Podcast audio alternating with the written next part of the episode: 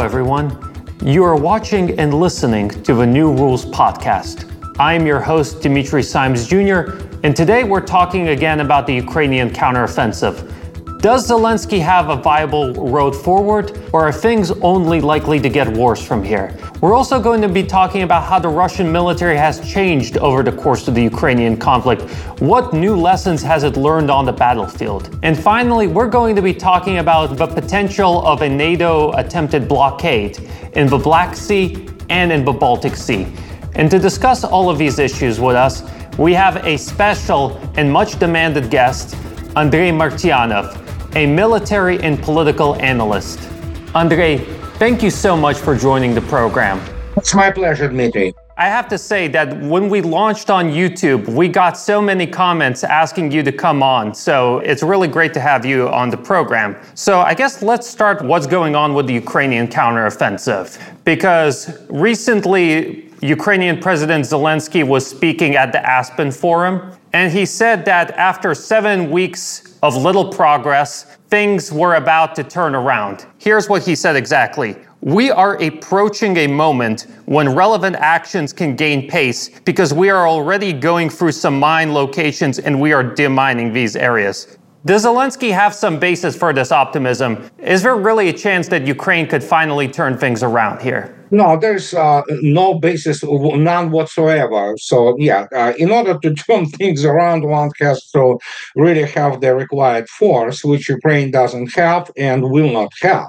They might gain throwing a lot of corpses again at the, not even the uh, first line of defense, it's what's called gray zone, the supply zone. So, and they can represent the gaining couple of hamlets which Russians usually abandon when they see no reason to defend them and then take them back. So that's about as much as we can expect. It doesn't mean that they cannot try to mount some kind of their suicide uh, attack, but if the offensive yeah, I'm talking about offensive. There's a difference between offensive and uh, the attack. Attack is maneuver. Offensive is what attack leads to, to the objectives. They basically obtain obtain nothing. So it's absolutely no reason to expect them to do better than they did before. I want to play devil's advocate because you, pro-Ukrainian sources now generally admit that the first week of the counteroffensive, or even the first two weeks of the counteroffensive, were pretty costly in terms of manpower, in terms of equipment. But now they argue that they have adopted a more efficient strategy, basically a war of attrition strategy. That instead of trying these sort of pointless frontal assaults, they're now trying to eliminate and you know deconstruct Russian logistics through artillery fire, through long range missiles, and that they're basically going to exhaust Russian forces before making a big major push. How viable, in your view, would be this uh, war of attrition strategy for Ukraine? Absolute propaganda garbage, honestly. And as I already stated, any military professional who is even remotely acquainted with the operational planning, the first thing uh, they will ask and the first thing the staffs will calculate is required force. Ukraine has nothing, literally. I mean, they have the remainder of the NATO supplied some Leopards, some Bradleys, some artillery, but basically they have nothing to actually collect in some meaningful column, be that brigade column, let alone we, we do not even go the division column to try to penetrate anything. So try, the attempts of on the supply lines, well, they can get lucky once in a while, no doubt about it. It's um, the issue of the so-called liquor, but we do not hear anymore much about those wanted HIMARS. We don't hear about too much about uh, Ukrainian artillery, it's still there. It still tries to have an impact, but the balance of forces is so skewed in favor of Russia that, I mean, there is really nothing to discuss. And everybody now in the world, they can see it on YouTube, Rumble, anywhere, basically the columns and, you know, of the Ukrainian equipment. Well, it's not Ukrainian really anymore. It's primarily NATO. It's burning. And so the fact that they think that they can demine, sure, they can demine But then guess what? That's the another issue. The uh, so-called agriculture, it's called agriculture, which is so funny. The remote mining system with, with the range of up to 15 kilometers, it can lay the mine uh, minefields really, really fast. It's literally the matter of couple of minutes, and it's extremely mobile. Plus, do not forget, Russia has the not just uh, air dominance. Russia has the air preponderance there. So whatever they try, I mean, good luck to them. I don't think so. They're gonna get anything out of it. Yeah, again, I'm not a military professional, I'm just a journalist, but it does seem really strange that the Ukrainian strategy right now can basically be summed up as throw a bunch of storm shadows and hope that it causes chaos in the Russian rear. I mean, I'm not sure how viable that is given what you've listed the overall Russian artillery superiority, air preponderance, intense fortifications. Can really a few high tech uh, precision missiles be enough to change the momentum back in Ukraine's favor? No, absolutely not. And again, you need to have the uh, no, uh, personnel. And uh, the question is uh, first, anything which is coming out of Kiev uh, has to be uh, taken not just with the grain, it has to be taken with the load of salt because basically they have been in the PR and outright lying from the inception. You probably remember about these risible things about the ghost of Kiev and that they already mentally they already captured Crimea and things of this nature. Now you have the big hunches from NATO, from the United States coming up out, including on the uh, what was reported by Financial Times times, no less, that and even in this Aspen gathering,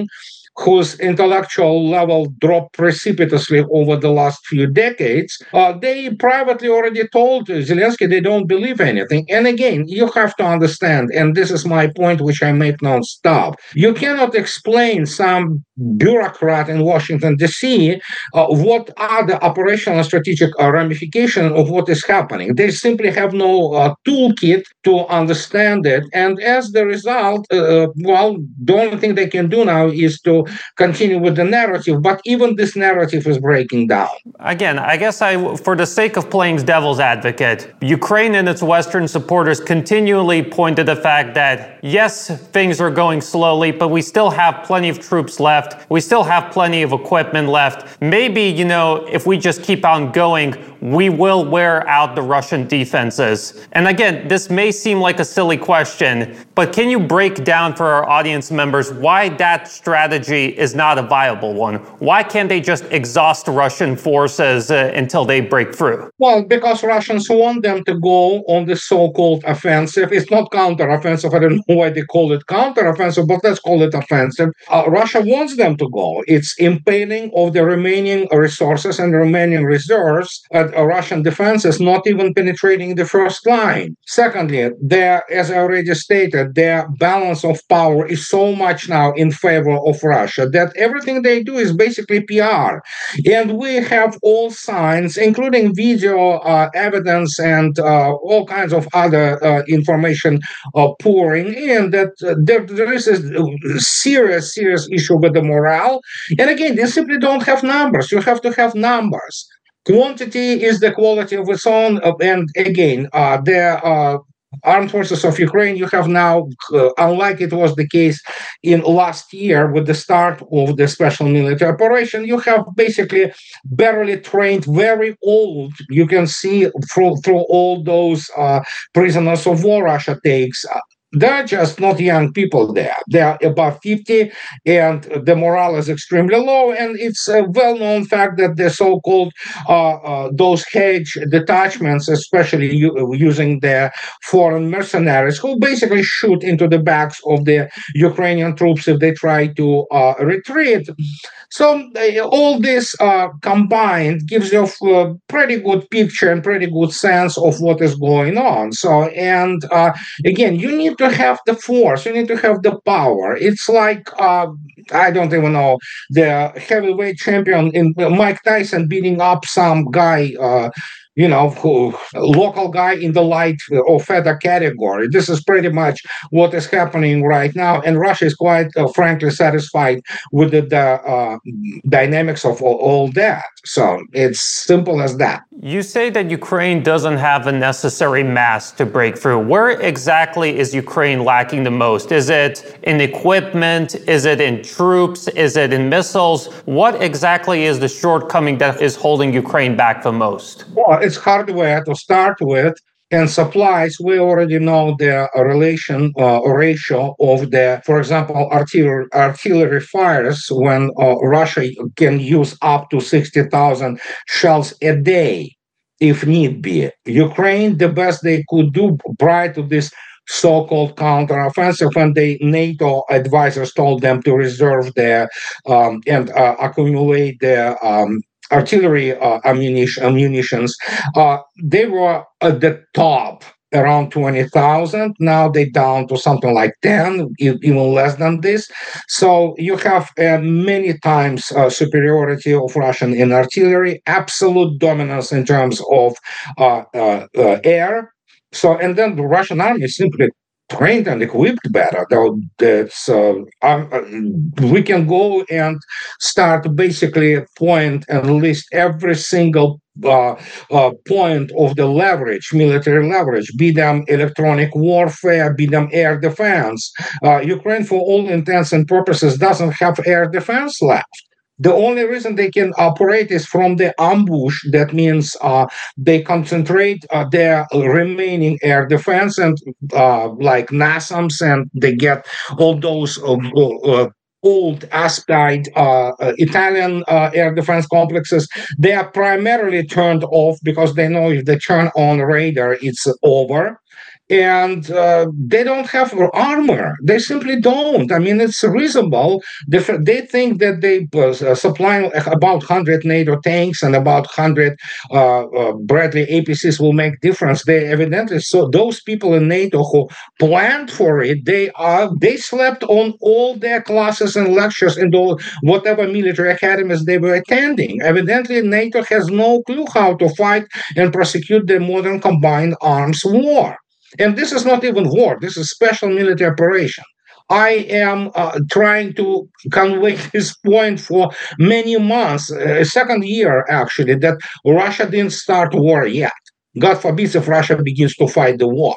We're still talking about special military operation. And how will things change if Russia decides to pull the trigger and transform the special military operation into a fully fledged war? Uh, every single uh, infrastructure piece uh, connecting Ukraine will be uh, to NATO will be destroyed. The uh, American, NATO, other whatever advisors they will be hunted down deliberately, and the military political uh, top of Ukraine will be annihilated to start with. And then, of course, you will probably have the Kiev uh, center flattened, you know, turned into the parking lot, among many other things. And the uh, war and the approach and the way it is described in the operational documents and in strategies, it, of course, has also very different uh, ratios of the uh, uh, collateral damage using Pentagonese, but uh, it's um, as much as horrible as it sounds,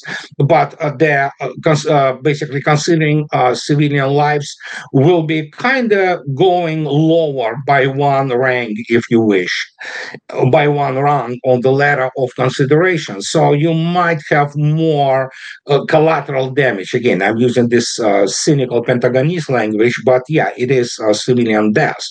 And some other objects, for example, which otherwise and again, Ukraine is using them non-stop, uh, hiding behind civilian backs pretty much. So, but you know what, things might change with the war. And then, of course, Russia will be completely differently using its uh, available force. Don't forget, there are 500,000 people well trained and well armed, which are stand in the rear of a Russian uh, army and they stand there, uh, stay there for a reason. I mean, I think the main thing that you bring up that I think is important to highlight for our audience members is that Russia still has escalation potential because when you read think tank analysis, mainstream media analysis, their main argument that this is the best Russia can do. And the reason why it's fighting this sort of limited operation is because it doesn't have the capability to do more. But what you're saying is that it can do much more. It's just holding its punches for now. Yeah, it, it does. And I was talking about escalation dominance for a long time. Now we have to understand also that uh, the basically combined West at this stage, and especially Washington D.C., they do not have think tanks. They have shyster uh, organizations which basically providing for uh, uh, for narrative. Uh, you cannot speak to most of them, including very many uh, of the American, let alone uh, NATO, European NATO top brass, and uh, those people paraded themselves as amateurs and. Uh, there are all reasons to suspect that very many of them are genuine articles of ignorance. Uh, and again, please let's take a look at the America's uh, military record of the 21st century and even the 20th century after the World War II, it lost eh, practically every single war it fought. So there you go. I do want to share with our audience members something interesting that I found over the weekend. A group of DC think tankers actually visited the battlefield in Ukraine for several weeks. And what they found was I was surprised by how candid their assessment was because they said that contrary to what you hear from the Biden administration, what you hear from the mainstream media, Ukraine's main problem isn't a lack of weapons, it's inability to use them effectively, that they can't do proper combined arms operations, right? That despite getting all this sort of Western weaponry, due to the fact that they were given only two to three months to train, they can't, you know, attack uh, in an effective way. And what they noted is something that you actually brought up that the quality of Ukrainian soldiers has got down, that they see more and more older and inexperienced troops fighting on the front lines. And I guess this begs the question if the United States decides to throw more weapons at Ukraine, will that make a difference? No, it will not make a difference. And I like the audacity of those DC think tankers. I have news for them.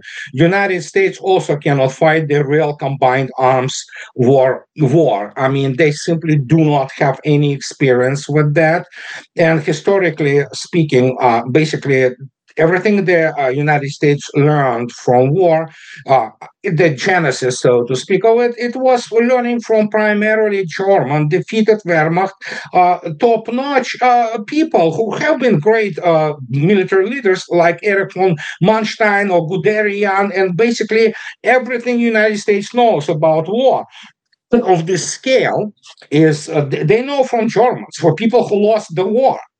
So in this case, practically all military education in the United States, apart from the inherent limitations and constraints, which are, you know, typical for the United States, being essentially the island nation and not capable of fighting any kind of the uh, warfare other than, the, than expeditional one. But uh, listen, uh, there's, uh, you don't, anybody that, nobody has to listen to me. It's enough to go back to Mr. Cavoli, four-star general, supreme commander of the NATO force forces in Europe who openly stated when speaking to the Swedish uh, uh, um, military forum in January scale, scale, scale. And he went on to say that I quoted him uh, that basically we never saw anything like this. We are not designed to fight something like this. United States never fought something not having the air preponderance. And uh, let me put it this way: uh, when you even look at those people of those generals who try to put their you know good face during a very very faulty game is the fact that united states doesn't even know how to operate and conduct SEAD, uh, uh, the uh, suppression of the enemy air defense when facing with the air defense such as russia and air forces such as russia Mr. Ochmanek in 2019 was, uh, and he is the big honcho air operations guy in RAND Corporation. He absolutely stated, you can look it up even on RT or go to uh, this conference in 2019. He, what he stated, and I quote him, we have our ass handed to us. United States doesn't know how to fight, you know, a, a real serious, what they uh, condescendingly call the peer uh, uh, enemy. Well, the United States is not even peer to Russia in both military history and especially in the scale of the conducting of the combined arms operation. But they do not want to learn World War II history properly. Because they basically are into their uh, renovating it completely due to uh, ideological and political expediency and it all this whole thing is about yeah stalin you know executed one gazillion people and Russians threw their, you know, all corpses all over uh, Germany. And while those valiant Germans, you know, those geniuses were fighting them off. This is uh, this is what they know. And when you look at this, what do you expect from people who beat uh, their basically the bejesus out of their uh, fourth-rate Iraqi army and still uh, go around it thinking that this is, as they call it themselves, a yardstick. It is not. It's anomaly. And there we are. And so when uh, what I think, so what you mentioned uh, about those think tankers going to the front line, so to speak, in Ukraine, it, it's not there to uh, actually learn anything. It's uh, basically to uh, reshape the narrative and to move the blame uh, towards Ukraine. And I can tell you one thing while maybe the personnel qualities of Ukraine are down, which it is, but uh, the average uh, company or battalion commander from armed forces of Ukraine can teach a hell of a lot more in the Academy of West Point than any professor there because they know about the how to survive the combined arms battlefield of the 21st century way more than any general in Pentagon. And that's what they went there for. And that's what think tanks do. They write narratives and justify any kind of the suicidal or homicidal uh, tendencies a United States tries to uh, promote and conduct on the foreign arena. I want to remind our audience members that you are watching and listening to the New Rules podcast. I am your host, Dimitri Simes Jr., and our guest is military and political analyst Andrei Martyanov. Andrei, we finished off with an interesting idea that the United States is not fully prepared for modern warfare. I'm reminded of the fact what basically all Biden administration officials and all the major think tanks and all the major mainstream media said after the start of Russia's special military operation. They say that no matter how this plays out, Russia will lose because the Russian military and the Russian military industrial complex will emerge weaker from this conflict than it was on February 23rd, 2022. More than 15 months has gone by, even more. How has that thesis played out? Okay, let me put it this way. Uh, we have uh, witnessed in the last 15 months and um, 21 plus mature audiences only explicit uh, demolition of the American uh, military mythology and American technological mythology. As I already stated, those people from the think tanks, most of them never served a day in the uh, real serious armed forces. And quoting General Latiff, Robert Latiff, the author of the Future War uh, book, he wrote another wonderful book about the uh, uh, modern warfare, and he is the PhD in physics and 20 years in DARPA. And let me quote him. Everything that American public and politicians know about warfare is primarily from the entertainment industry. I'm beginning to think that many American generals also know and learn about the warfare from the entertainment industry, from the Hollywood those people are absolutely un, uh, un, uh, unprepared and uh, not equipped to operate with their basically what amounts to operational values and they don't even understand what they're looking at. For them, is already stated, uh, and I am on the record for decades now. I wrote three books now, write the fourth one. The so-called Russia study field in the West is basically a wasteland. It's primarily the same as the Pentagon and those political uh, and other politicians and think tanks. They primarily receive their data quote unquote from Kiev regime, which is primarily propaganda and lies, and they try to base their con- uh, basically conclusions on that. And then you have the so-called Russian field, especially in the United States. It's a wasteland of the pseudo-academic shysters who, as I already stated, their only task is to rewrite and to narrate what Russia is and what her history, or especially of the 20th century, is, and sell it to public and policymakers. And that's what they do. I have so many examples of that that it's uh, it's uh, really uh, I mean, it's really difficult to, to explain. It's it's absolute, overwhelming caricature of Russia. But could you explain for our audience members why the sort of perception that the Russian military and military-industrial complex has gone weaker? What's wrong with this narrative? What sort of counterexamples exist uh, to this prevailing narrative? Um, well, for starters, uh, it's uh, primarily sour grapes we cannot ignore this white elephant or 800 pound gorilla in the room. It is professional envy and professional jealousy. American generals lost every single war they fought. And if anybody needs to remind a reminder of that, how about they look at how the United States was leaving Afghanistan? But the point is not just Afghanistan, Iraq, and uh, Vietnam, and this glorious, uh, uh, of course, with the exception of the glorious quote unquote victory over Grenada.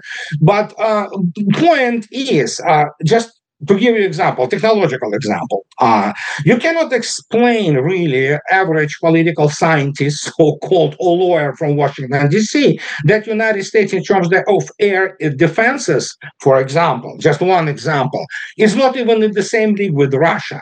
In terms of cruise missiles, uh, again, United States lag, uh, lags here not by years; it lags by generations. And so when you look at this, and the same goes for the armor, same goes for the operational concepts and uh, things of this nature, and even electronic warfare with Mr. Ben Hodges, I believe, at some point, point of time in 2015, actually admitted that you have a eye-watering capabilities, which improved since then. So again, for the average American uh, political scientist who grew up with the Wall Street uh, type economy, and that's the only thing they studied, and who operates with the uh, uh gross domestic product uh, uh, numbers, which are provided by the Wall Street and shysters from the economic schools, it they cannot even still grasp the idea. For example, Russia produces as much steel as the United United States, and it produces 10 times, oh no, six times more than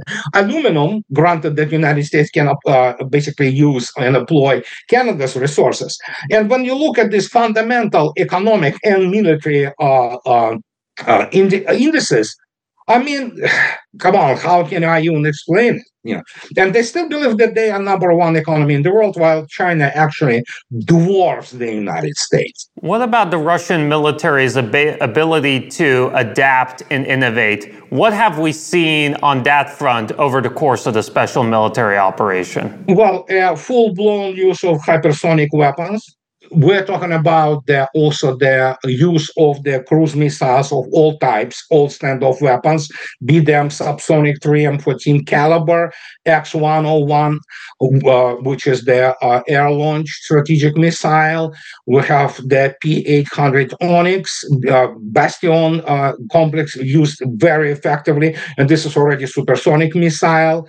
And we go on and on and on. And of course, we'll look at if you look attentively at how the uh, Ukrainian Air Force was essentially effectively landed, you can see uh, first the, the Russian air defense systems have been in the net-centric paradigm for a long time now since the Soviet times, actually.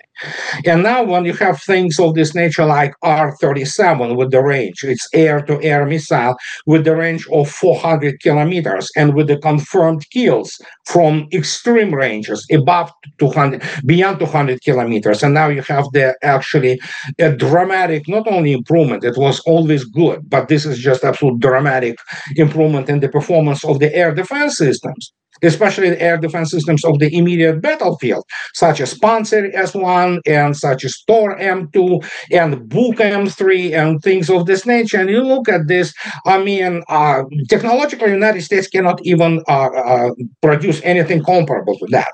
And again, just to give you example, United States tried once to produce supersonic uh, anti-shipping mi- missile, cruise missile, and they dropped it after desperate trials for a number of reasons, including first, they couldn't sustain the proper supersonic flight and uh, the, the, targeting issues, but that's the, the, could have been worked out. But then the cost of this missile was uh, worth of its weight in gold. So when you look at this, and especially issues of the combat control, this uh, pro- proverbial C4 ISR, which is command, control, communications, computers, and intelligence, surveillance, and reconnaissance. Uh, listen, even with the all ISR, intelligence, surveillance, and recon, which Pentagon provides for Ukraine, uh, Russia has its own ISR complex, which is top notch. You know, Russia has its own satellite constellation, and of course, again, as I already stated, in terms of the electronic warfare, even American professionals, those people who have still retained some integrity, they admit, you get even to the front line and everything is jammed. And not to mention the other things which Russia does, does electronically, which obviously creates a, a lot of mayhem. So, and how to put it, I mean, I am uh, on record for about nine years that United States lost the arms race. Just some people who uh, do not have the toolkit, they pretend that they do not understand it. And of course, as I already stated, on the part of the American military, when they use their uh, beating the fourth-rate uh, uh Iraqi army into utter submission uh, and thinking it's a yardstick in warfare, it's anomaly and Russian uh, military specialists always stated it's uh, some kind of anomaly. You cannot judge it as a real war. I think, from my perspective, the most dramatic area of pr- improvement that I've seen, at least, is when it comes to drone technology. Because in the early stages of conflict, uh, even on the Russian side, there was widespread admission that drone warfare was an area of shortcoming for the Russian military. But if you look at this, uh, what's been happening over the course of the Ukrainian counteroffensive, we see how devastating Russia's Lancet drones have proven, how Russia is now using effectively drones for reconnaissance. It really does seem that Russia has made a significant jump forward when it comes to drone technology. Drones are one of the fields uh, where uh, we have to, of which we have to consider when talking about it.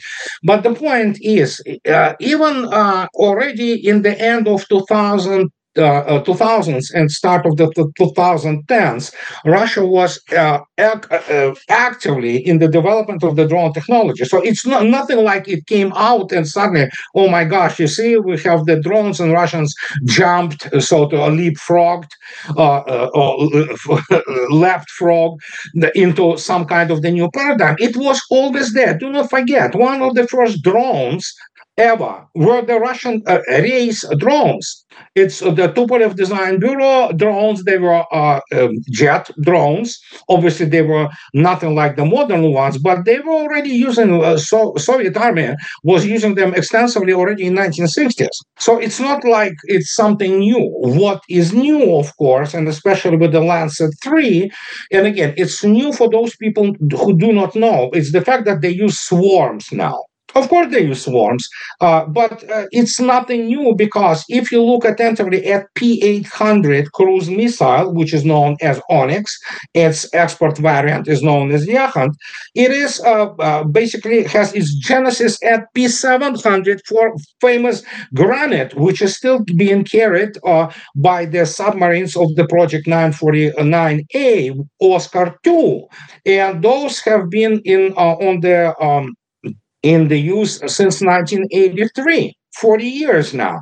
So these were the first uh, missiles with what you would define as the artificial intellect.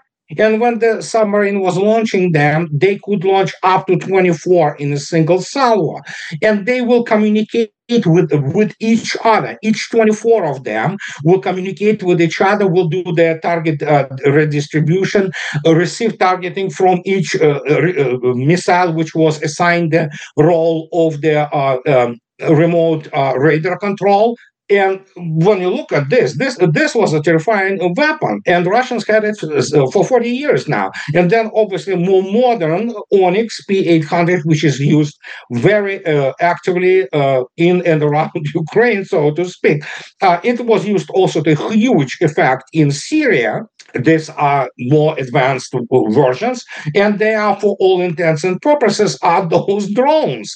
Cruise missile is just more advanced, faster, and more dead and deadlier drone. But of course you use them for the more valuable targets. So, but yes, it's nothing new. And now we have Lancet 3, which is the complete uh, swarm uh, technology. They can communicate, they can uh, redirect targets, they can decide on their own what to attack. So yeah, radio electronics uh, advanced quite significantly since 1970s and 1980s. You know, watching your videos and reading your blogs, I often see that the concept of network centric warfare comes up, and that you say that this is becoming a new, you know, fundamental part of Russian military doctrine. Could you explain for ignorant journalists such as myself, militarily illiterate people such as myself, what this means and, you know, place it in the context of the bigger picture? How does this affect the way the Russian military operates? Uh, speaking in a professional lingo, if one thinks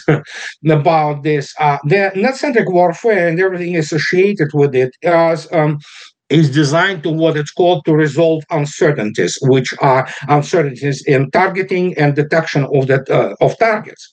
But generally speaking, uh, if to put it into the uh, uh, simple words, it is uh, when each shooter communicates with each shooter in the appropriate, uh, uh, you know, theater or in appropriate environment. For example, and this is famous Metcalfe's law. If to put it very primitively, if I have, for example, five aircraft five combat aircraft, which, by the way, Russians did in uh, early 80s by uh, introducing MiG-31 uh, uh, interceptor, which could actually run the group of the um, um, interceptors MiG 31s up to six, I believe, and including having the uh, providing the guidance from the missiles launched by the other uh, uh, aircraft. So this is uh, what it gives you that your awareness of the environment grows dramatically.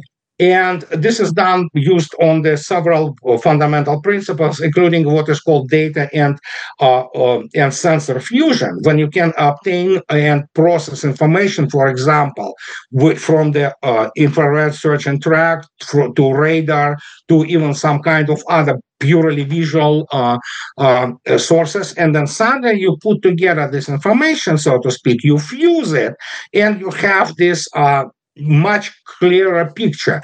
You can see it, for example, in Russian air defense, and Russians have been using Polyana of fusion center since the 1970s. You could, uh, it can plug in up to 14 air defense complexes into one and you will consider those air defense complexes as a single shooter. But then, of course, this Polyana, which is the fusion center, so to speak, and command and control center, can communicate with other Polyanas. And so, if you have uh, suddenly like three Polyanas, you have what? 14 times 3, 42 air defense complexes. And practically, Polyanas interact with each other, which is, of course, and um, creates this network with the funny topology, it's kind of bush, you know, that's what you get branches, branches everywhere. And they can communicate. Today, with the modern technology, just to give you example, uh, center in Moscow, um, uh, uh, Russian Defense uh, Command and Control, National Command and Control Center, they can actually get the feed from some private on the ground in uh, video feed from some guy on the ground in Donbass, and they will know visually. And then, of course, they uh, receive this immense data sets, immense stream of information, much of it dealing with the reconnaissance and also with the targeting. And then that allows you to also efficiently redistribute or reassign targets. So that's kind of what uh, uh, the, the net-centric warfare is. And I guess to what extent, I mean, what I find interesting about this is I grew up in the United States, and the big thing I heard about the US military is that its main, uh, its main advantage was exactly the OODA loop, that it was able to get info process it effectively and make quick decisions. But what you're saying is that as a result of the Ukraine conflict, Russia is strengthening this capability as well. So the US military's primary advantage is no longer as dominated by Washington as it once was. Oh, absolutely correct. And it's a very good and astute observation from you. And again, it's in the OODA universe, which is, of course, uh, Colonel Boyd's uh, great uh, contribution, and he was definitely a very, very astute man. I believe he's still alive, actually. God bless his soul. And uh, so uh, I'm just saying that uh, the, the, it's all about those loops, how fast they, you know, happen, the frequency. And the higher the frequency of the OODA loop, which, by the way, asymmetric warfare does help you to do this the more uh, advantage you have over your enemy. But do not forget, the United States also never encountered the electronic warfare which Russia has. And again, here's another thing. Russia has most advanced air uh, electronic warfare capabilities in the world. This is again, you can uh, look up the basically even Western uh, sources who admit that. And since then, obviously, because Russia is in the constant adaptability mode due to um, uh, real uh, warfare. And uh, that's what happens when you fight the real war. You adapt, you improve constantly. It's a 24 7 process. Then certainly you will emerge with this immense combat experience, much stronger military. And today, uh, Mr. Manturov, who is the economic minister uh, in Russia, and he uh, stated today for, for the press and talking to, I believe, to Putin actually, that Russia is producing now the what is called средства поражения, which is all kinds of munition in a month in a month, more than it she produced it throughout the whole 2022. This is, I mean, this is beyond capabilities of NATO. So I have a. Forget, I mean, uh, Russia was running out of missiles since, yeah. I don't know, since the start of the special military operation. So I guess this begs the bold question because you've brought up a lot of arguments for why Russian military and military industrial complex are getting stronger. Would it be fair to describe Russia as the most powerful military in the world right now? And if so, why? Uh, ground wise, in terms of the ground forces, absolutely. It's the most powerful military in the world right now. In terms of air defense, it's not even fair to compare this. Uh, in Navy, uh, United States still maintains due primarily to size. It's still it's a still magnificent Navy, but it's nearing its obsolescence, especially its uh, surface fleet. United States still retain this ability to what they call pro, to project the power, but uh, and project force. But um, and that's the debatable point. But no, United States still maintains a degree of the advantage in terms of the um, number of the hulls, of course, and in terms of quality. Uh, there are only two nuclear power submarine fleets which are uh, uh, in the basically a uh, league of their own. It's United States and Russia.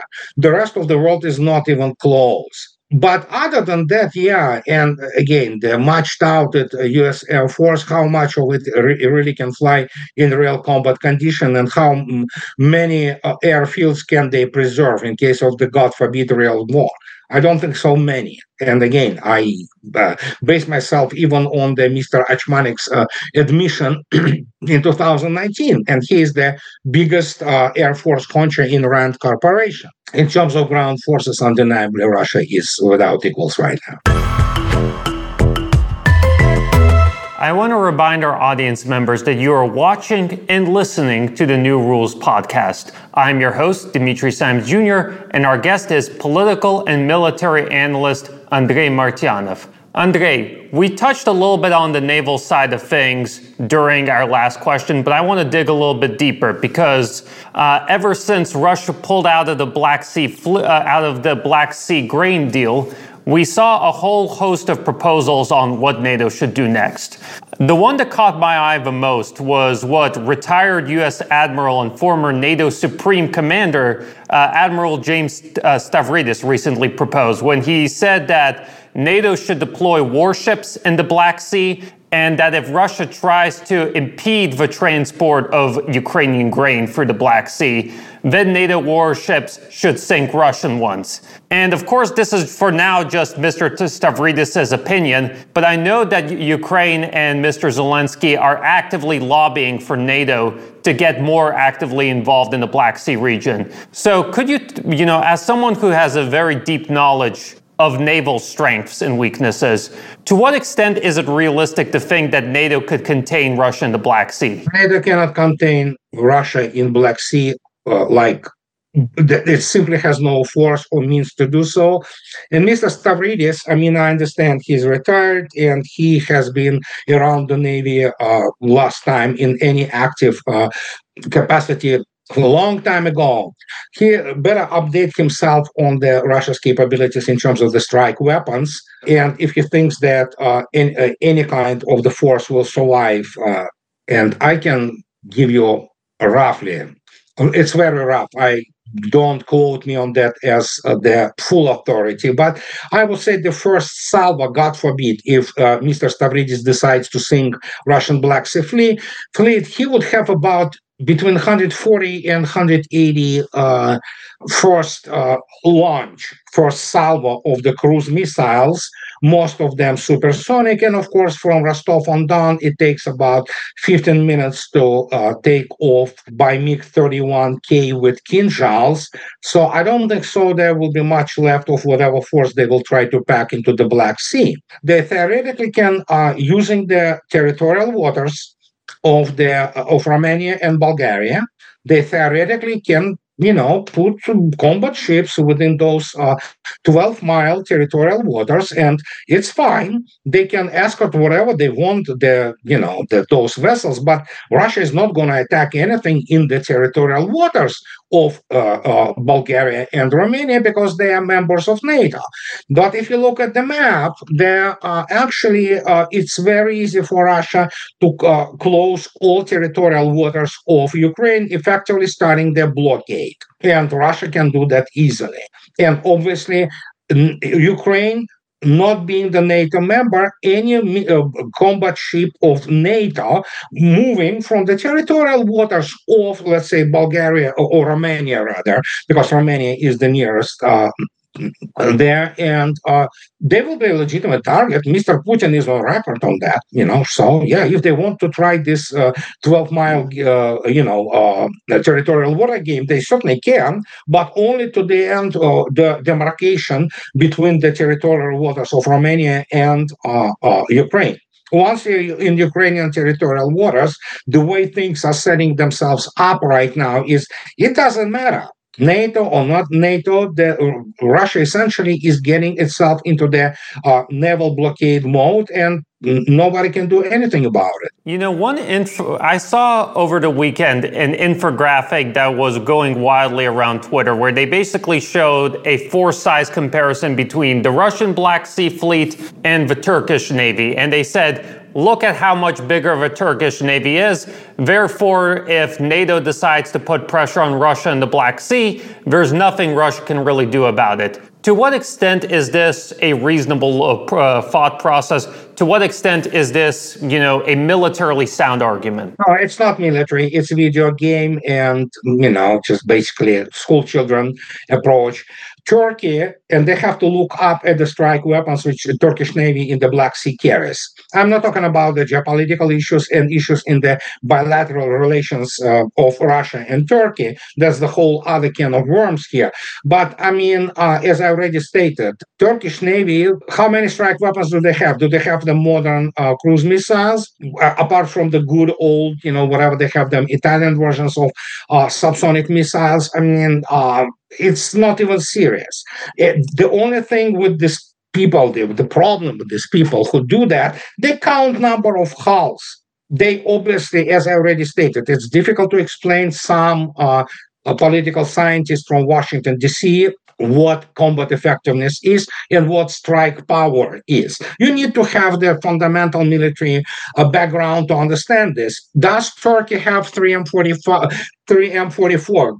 The anti-shipping missile of this caliber, which, by the way, 354 is a Kalibr, is the name of it. No, not even close. And again, this is the, uh, long-range missile with a range exceeding 600 kilometers. You have, again, as I already stated, there are two brigades of the what is called the uh, shore uh, um, um, missile forces of the Black Sea Fleet those people do not understand that the range of the modern uh, Onyx missile, which is the part of the shore-based Bastion complex, is in excess of 650 kilometers. It covers all of it, including, uh, uh, I mean, Black Sea, including the parts of the Bosphorus and Dardanelles. And uh, this is a supersonic 2.6 missile, which can operate in swarms. And then, of course, they forget completely that Russia has uh, about uh, last time I checked, it was with the Su 24. So we're looking at around 45 to 50 modern strike, uh, primarily modern strike aircraft, such as Su 30 SMs, which belong to the Black Sea Fleet. Black Sea Fleet is not just is not just ships. And then, of course, Russia has some excellent submarines there. So when you look together this and you put this together, and again, uh, how do they even defend about uh, defend against this. They don't have even air defense capability to uh, basically uh, mitigate the salvo, the first salvo. And again, here we have to go into the uh, salvo models. Here we have to uh, understand how the combat effectiveness is calculated, how the probabilities are calculated for the uh, demolition of, for example, Turkish Navy. And it's actually not that difficult, as a matter of fact. And I wrote it in my second book about it. And uh, you can calculate it. Actually, having a calculator and pen and piece of paper not that difficult. So it's not just a question of how many ships you have, right? Because if one side has a numerical superiority in ships, but the other side has dominance in anti-ship missiles, the side with anti-ship missiles is going to win. Absolutely. And again, uh, it's you don't have to listen to me. Sadly, uh, late uh, Captain Wayne Hughes, a brilliant American tactical and operational mind, naval, the guy who actually created the salvo model, he died recently, sadly, but he was old. He wrote outstanding books on the uh, naval operations, and um, he wrote the book uh, Naval Tactics and the uh, shore, shore combat uh, and coastal combat. And he wrote about it that we live in the missile paradigm. And the book uh, first saw, first edition of this book saw light in 2000. So it's 23 year old book. And already then he said, you know what? It's all about missiles. It's not about your uh, hulls of the ships.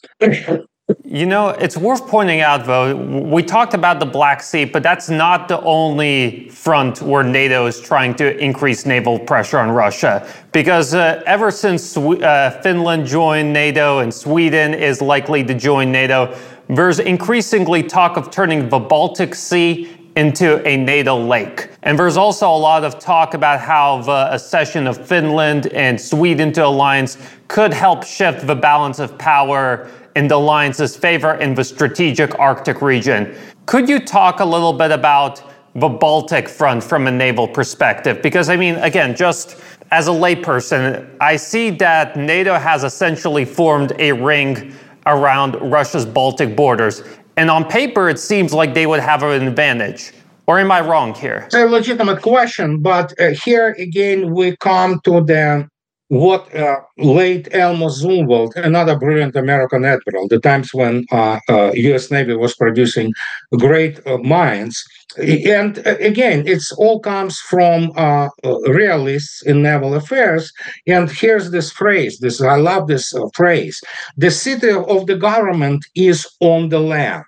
Sure, they can. Uh, first, we have to start with the fact that uh, even during the Warsaw times, uh, Warsaw Pact times, uh, uh, there, there was some issues with the Baltic Sea because NATO controlled the Baltic Straits to start with. So essentially, they were uh, um, locking their Baltic fleet in, inside the Baltic Sea. So, and you wouldn't be able to go around Europe in case of the real war, God forbid. But then again, if you look attentively at the Baltic Fleet itself, it, it, they have only one operational uh, submarine right now, from what I know.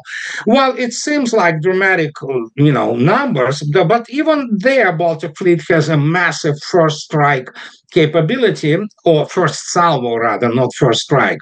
Russia will not start the uh, war unless it is, you know, basically attacked its, uh, itself. And uh, Russia uh, answered already pretty clearly on that by recreation of the Leningrad military district. And this is a separate army, ground force army, combined arms army, separate air defense army, and separate air force army. and that basically tells you everything you need to know about the closure of the Baltic uh, Sea, because, uh, again, as I already stated, modern ranges of the modern Russian missiles are in thousands of kilometers. So it doesn't really matter what they try to do. They will be detected because Russia has an excellent satellite constellation called Liana and other means of the uh, space uh, control which provides targeting. So sure, it, I mean, if they let's say in some bizarre scenario they sink Baltic Fleet somehow without Baltic Fleet, Russian Baltic Fleet not being able to respond, there are plenty of means around, and especially with the recreation of the uh, Leningrad military district which is the answer to Finland, and uh, they will have means to basically control uh, the Baltic Sea back to the uh, actually uh, the Baltic Straits, which have been always, you know, it's Denmark, it's Norway. So what do you expect? They control it. It's it's okay, you know, so to speak. So it's uh, that's how the uh, operation kind of, you know, um, pardon me, a situation emerges right now. And again, we live in the paradigm when Russia has overwhelming, and I'm talking it's absolutely it's orders of magnitude dominance in terms of the stand-up high precision weapons. So again this seems to be a case where geography is not destiny because yes you may have a sort of quote-unquote geographic uh, advantage but if the other side has overwhelming missile advantage well how how much benefit does this geographic advantage give you? And uh, even the father of the geopolitics, Mr. Mackinder, in his democratic uh, dreams uh, and reality fundamental work on the issue of geopolitics, he kind of admits that in the end it's humans if you have political will, uh, we're not talking about obviously the cases of such countries like Switzerland, which is landlocked. I mean, their geography is destiny. And of course, geographic factor plays a huge role, no doubt about it. But in the end, it's what you have at you, what toolkit you have to challenge this geographic reality. And there you go. And suddenly things are not purely, ge- well, first, we need to start with the simple uh, fact. Geopolitics itself is not a science geography and how it relates to, for example, economic geography, it is a science. But the point is, what we understand today under geopolitics has very little to do with how it was uh, um, described in the geographic pivot of history by the founder of it, who was Mr. Mackinder, or Sir Mackinder, I believe, Sir Mackinder. But uh, the point is, it's a combination of the disciplines of studies which relate, of course, not only to geography, but to economics, to the political systems, government, and of course, technologies. And the foundation of the geo- modern geopolitics is the balance of power, primarily economic and military power. And this is where the uh, American and Western NATO academy, so to speak, or those people who pass for them, they failed their test dismally. They do not understand how it is formed. And again, what do you expect from them? People who studied uh, the Gulf War 1.0 is some unheard of achievement, obviously. What do you expect? I want to remind our audience members that you watched and listened to the New Rules podcast. I'm your host, Dimitri Simes Jr., and our guest today was Andrei Martyanov, geopolitical analyst and military expert. Andrei, where can our audience members keep up with your work? No, I have only um, blog, one blog, and I have the channel on YouTube. I believe my channel on YouTube mirrors itself on the Rumble or something like that. And that's about it. I mean, I don't have uh, uh, any real social media accounts. I don't have Twitter. I don't have Instagram or what have you. So uh, these are primarily two places where they can find me. And if you want to keep up with our show, the very first thing you should do is first like this video and subscribe. But additionally, we have a website, we have a Telegram channel, we have Twitter. All of that will be in the link in the description below. Thank you so much for watching and listening. Till next time.